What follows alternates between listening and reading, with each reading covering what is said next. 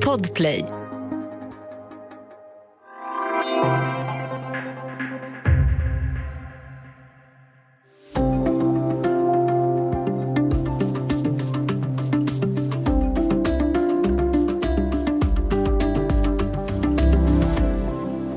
Erik Semor har dömts för hets mot folkgrupp och för att ha gjort diskriminerande uttalanden om muslimer. Han är en välkänd debattör i Frankrike och kan bli president Emmanuel Macrons största hot i nästa års presidentval.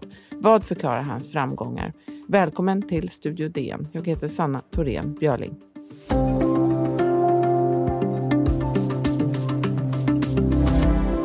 Ja, det finns en del likheter mellan fransmannen Erik Zemmour och Donald Trump som kändisskapet och som den mediala fascinationen för deras personer. Hur det gick för Trump i hans politiska karriär, det vet vi en del om. Idag ska vi prata om det politiska landskapet i Frankrike och med oss har vi DNs korrespondent i Paris, Erik de la Regera. Välkommen! Tack så mycket. Du, eh, Frankrikes president Emmanuel Macron, han var ju lite grann av en raket när han kom till makten i eh, valet 2017. Då slog han Marine Le Pen partiledare för Nationell Samling, det gamla Front National kan man kanske säga. Vad har hänt på högerkanten i fransk politik sedan dess? Man kan ju säga att, att, att, Marine Le Pen har, har fortsatt och arbetat för att försöka ta sig närmare presidentposten. Hon har, hon har ju lett en slags normaliseringsprocess, kan man kalla, av sitt parti då, som numera heter Nationell Samling och där man har försökt att liksom eh, skala bort de mest extrema uttrycken och den öppna rasismen och antisemitismen som fanns under hennes fars tid eh, som partiledare. Och liksom gått gradvis mot att försöka bli ett mer respektabelt parti som kan locka till sig traditionella högerväljare. Och det är li lite samma process som Sverigedemokraterna i Sverige kan man säga. Erik Zemmour är ju ett namn som är ganska nytt för de flesta svenskar, men i Frankrike har han ju länge varit eh, lite av en kändis. Eh, varför då? Han har ju varit kolumnist i Le Figaro i många år och han är en bästsäljande författare till debattböcker som har väckt stor uppmärksamhet. Och, eh, Zemmour har ju också, liksom på grund av att han är en ganska kontroversiell röst långt ut på högerkanten. Han har bjudits in till paneler, tv-program, debattprogram i tv. Och han driver ju då ofta eh, sina teser om att eh, 1968-rörelsen är liksom orsaken till det som han ser då som Frankrikes förfall. Att kvinnors frigörelse, den sexuella frigörelsen, homosexuellas rättigheter och invandringen då sedan 60-talet har ja, egentligen lett till, då, enligt honom, att Frankrike har förlorat sin stormaktstid och att landet har blivit mindre virilt, som han kallar det. Alltså, han ser det som att mannens ställning har försvagats och att det då har bidragit till att Frankrikes stormaktstid är över. Så att, eh, det här är naturligtvis väldigt extrema åsikter långt ut på högerkanten. Han driver också den här konspirationsteorin om ett stort folkutbyte som då han påstår pågår, där man har någon typ av Alltså, idén är att eh, muslimska invandrare mer eller mindre medvetet ersätter då vita kristna och judiska fransmän. Det här är ju idéer då som har, jag menar, det är bland annat det är idéer som har inspirerat eh, högerextrema terrorister som som Breivik i Norge eh, till exempel. Och det, så det är naturligtvis väldigt, väldigt långt ut till höger. Och det, men han har en förmåga då, Semor, att, att argumentera som har en slags intellektuell är, kan man säga. Han är skicklig och lite rolig ibland och sådär. Och, och han, har liksom, han, han har blivit mästare på att balansera på gränsen till det eh, lagligt tillåtna kan man säga. Ska vi säga också någonting om, eh, om hans bakgrund? För han är ju inte själv purfransk, om man ser bakåt. Nej, han är ju eh, son till två, eh, alltså till invandrade eh, berberjudar från Algeriet. Han själv är, är, är född i, i, Frankrike och uppväxt i Frankrike, men han ser sig som helt och hållet fransk. Han, är ju, han betonar ju väldigt mycket detta att man måste assimilera sig fullt ut som invandrare i, i landet. Och det Ja, det, det, gör ju också att han, det budskapet går hem bland många konservativa väljare och många av dem som är eh, eh, invandringskritiska i, i, i Frankrike. Så hur kom det sig då att man började tala om, om hans politiska ambitioner?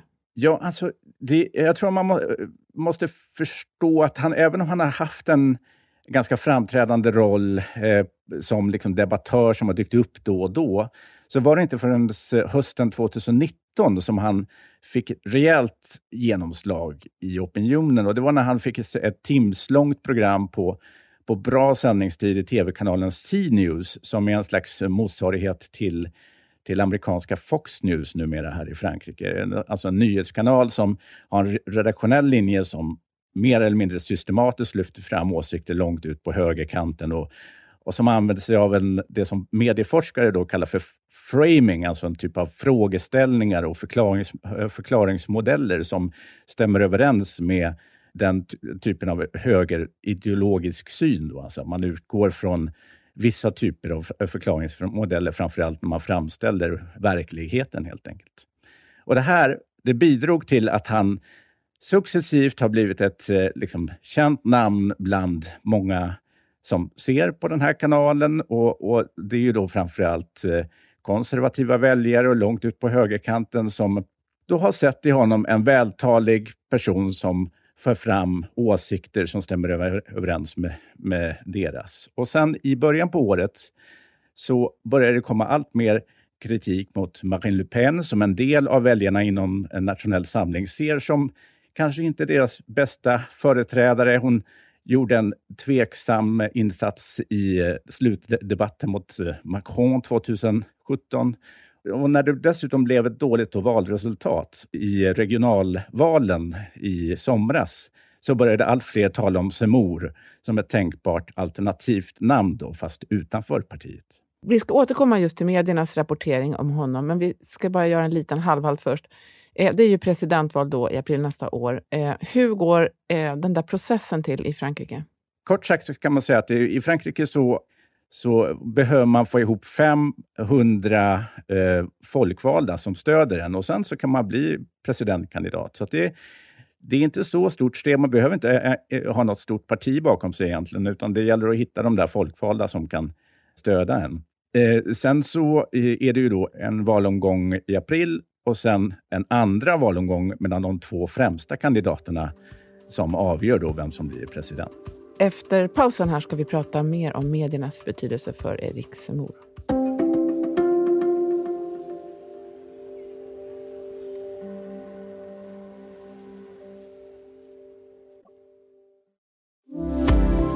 Studio DN idag med Dagens Nyheters korrespondent i Paris, Erik de la Regera. Vi pratar om Erik Zemmour i Frankrike det har ju gjorts en del jämförelser mellan honom och Donald Trump, eller kanske snarare medielogiken kring de här två personerna. Vad menar man med den jämförelsen? Ja, det, dels är de ju två personer som liksom var kända redan innan de gav sig in i politiken, kan man säga. Men sen handlar det också om, om sättet som de interagerar med medierna på. Trump blev ju, ja, ska man säga, känd, eller han fick i alla fall väldigt mycket uppmärksamhet Eh, redan innan han lanserade sin kandidatur. Ju. Och det, eh, det fick han bland annat genom att eh, tala om ja, både muslimer och mexikaner och centralamerikaner på sätt som en del tyckte var rasistiska och diskriminerande och som väckte väldigt mycket debatt i, i USA. Och Det är lite samma med Semur. Då. Han har gjort en rad väldigt kontroversiella uttalanden som han då faktiskt har dömts för också en del, eh, för att de är diskriminerande eller för att de är hets mot folkgrupp. Han har bland annat sagt att arbetsgivare har all rätt att diskriminera svarta och araber eftersom de, de här grupperna då eh, är något överrepresenterade bland kriminella, så menar han då att alla då eh, innebär en ökad risk för arbetsgivare. Och han har dömts för att han har påstått att muslimer, alltså alla muslimer, fem miljoner muslimer i Frankrike, egentligen sympatiserar med jihadistiska terrorister. Och nu så utreds han också för att ha sagt att ensamkommande invandrare är citat, mördare, rånare och våldtäktsmän. Slutcitat. Så att det är den här typen av eh, liksom, citat som har väckt väldigt mycket uppmärksamhet. Han har fått väldigt mycket ja, så, eh, naturligtvis mycket kritik för detta, men samtidigt så når han ju ut då till den grupp långt, långt ut på högerkanten som kan tänka sig att rösta på en kandidat som honom på det här viset. När det gällde Trump så var det ju eh, många som såg det, både allmänheten och eh, på redaktionerna, som såg det som osannolikt att han skulle bli den verkliga kandidaten för det Republikanska partiet. Och så släpptes han ju fram och fick enormt mycket eh, enormt stor medial uppmärksamhet. Och sen när man väl insåg vilket fäste han fick, då var det på något sätt för sent. Det har ibland beskrivits som att då var anden släppt ur flaskan. Om den där jämförelsen är relevant, så var skulle du säga befinner man sig i Frankrike i den där processen? Ja, man befinner sig väl mitt uppe i det kan man säga. När man talar om Trump så var det just eh, under den här perioden då, ska man säga, hösten 2015 som han på något sätt etablerade något grepp om medierna. Där det var, mycket handlade om att han, hans opinionssiffror började stiga och, att, eh, och så de här olika uttalandena som han gjorde. Och det var ju samma sak med Semor, som ju faktiskt inte är kandidaten formellt sett. För han har inte fått ihop de här 500 folkvalda som eh, han behöver, fast han är nog säkert på god väg. Eh, men, så att det är lite samma, samma läge och det är många journalister som, eh, jag vet att det är många journalister som har problem. Alltså, de vet inte riktigt hur de ska hantera det här, för han är ju väldigt skicklig och spelar på medierna hela tiden.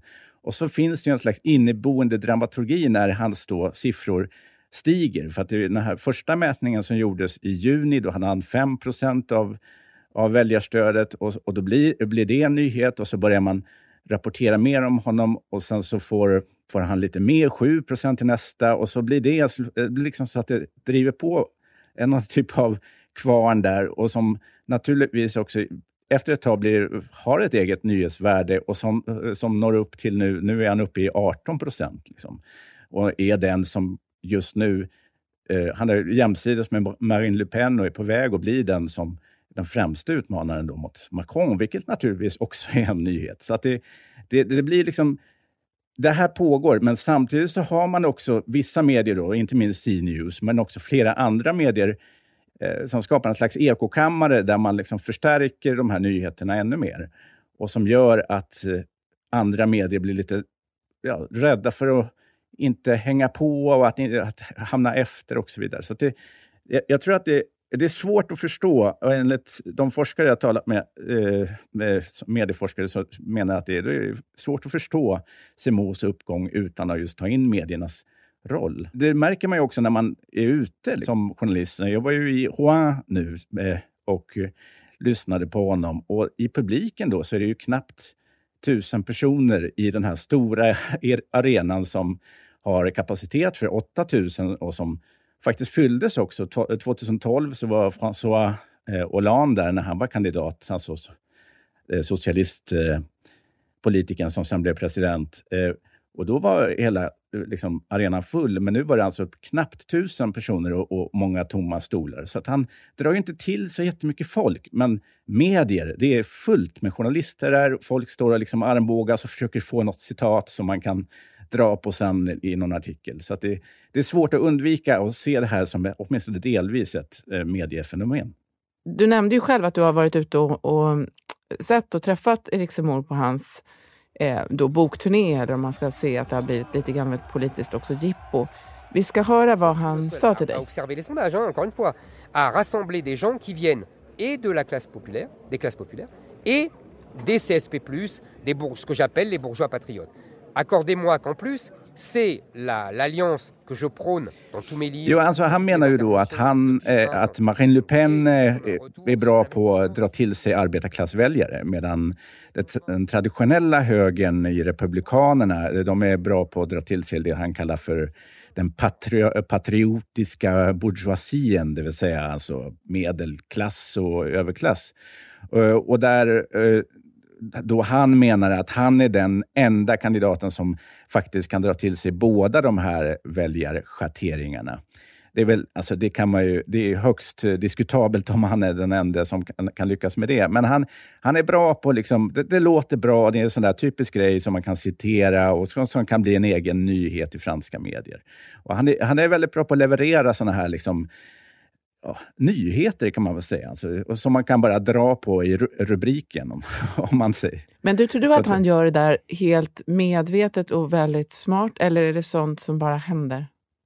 Jag tror att det är väldigt medvetet. Alltså, eh, Erik Zemmour har varit journalist i 35 år. Han har varit jobbat som eh, politisk journalist på Le Figaro och har ju varit, eh, de sista, senaste 10-15 åren har han ju framförallt varit opinionsbildare då och skrivit kol kolumner och sådär. Men han, är ju, han, han säger ju själv att då han utmanar systemet, men han är ju i högsta grad en del av systemet på det viset att han har varit en del av medieeliten i många, många år och känner väldigt många också i, högt upp i många av de här stora mediebolagen.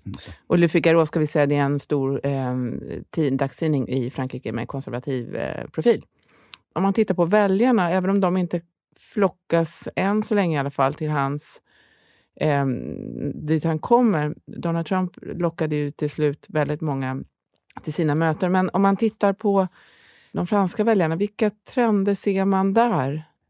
Det man kan se är ju att alltså misstroendet mot det politiska systemet och politiker i allmänhet är väldigt högt i Frankrike jämfört med andra länder i Västeuropa. Det här är ju någonting som avspeglas bland annat i de här gula västarna-protesterna på senare år. Vi har också sett det i den här, de protesterna mot vaccinpass och hälsopass här i Frankrike.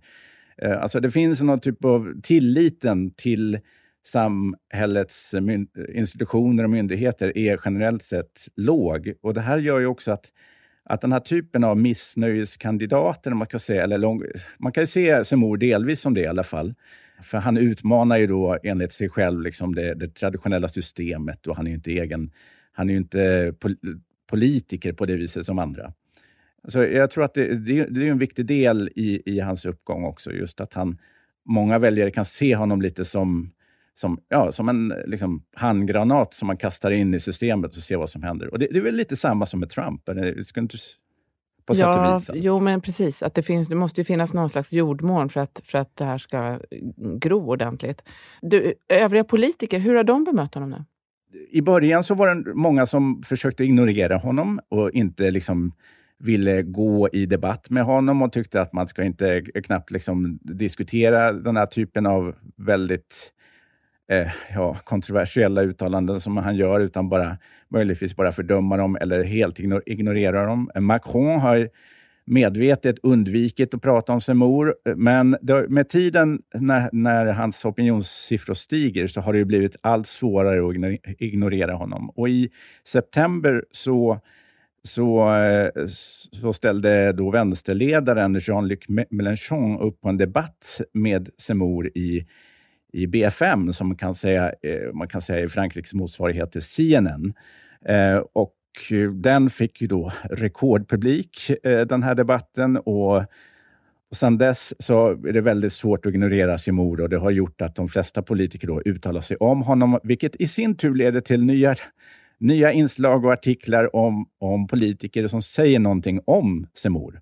Så eh, jag gick in här för en liten stund sedan och tittade på CNews eh, hemsida och de har de senaste 30 dagarna drygt 40 artiklar med Semors namn, eh, namn i, i, rubriken. Så det, det är alltså det konstant flöde, minst en artikel eller eh, inslag per dag och ofta så är de här panelerna sitter man och diskuterar om honom också konstant. Så avslutningsvis, då, vad tror du själv? Vad blir det viktigaste att hålla ögonen på eh, under de kommande månaderna då, eller kommande veckorna?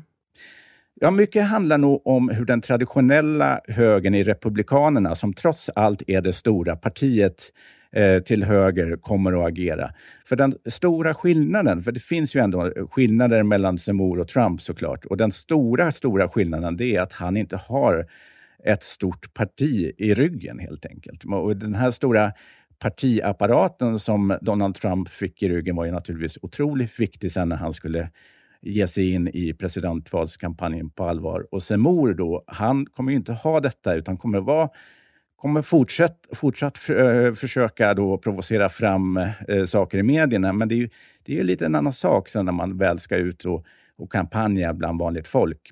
Och det där, eh, det kommer nog det, kom, kommer, det blir intressant att se här i december när Republikanerna ska välja sin kandidat, för de har flera nu som som står mot varandra. Beroende på vem det blir där och vilken, ifall det är mer mitten-höger-kandidat eller längre ut till höger, så kan det både minska eller öka Semors möjlighet att liksom få genomslag i medierna. Och det är väl Ja, man ska, jag kan tänka mig att det kan bli svårare efterhand för honom att få så här mycket uppmärksamhet som han har haft hittills. Vi återkommer hemskt gärna till dig i detta ämne, Erik de la Regera. Tusen tack för att du var med idag. Tack. Om du vill kontakta oss så går det bra att mejla till studiodn dn.se. Studio DN görs för Podplay av producent Sabina Marmelaka, ljudtekniker Patrik Miesenberger och teknik Oliver Bergman, Bauer Media. Jag heter Sanna Thorén Björling.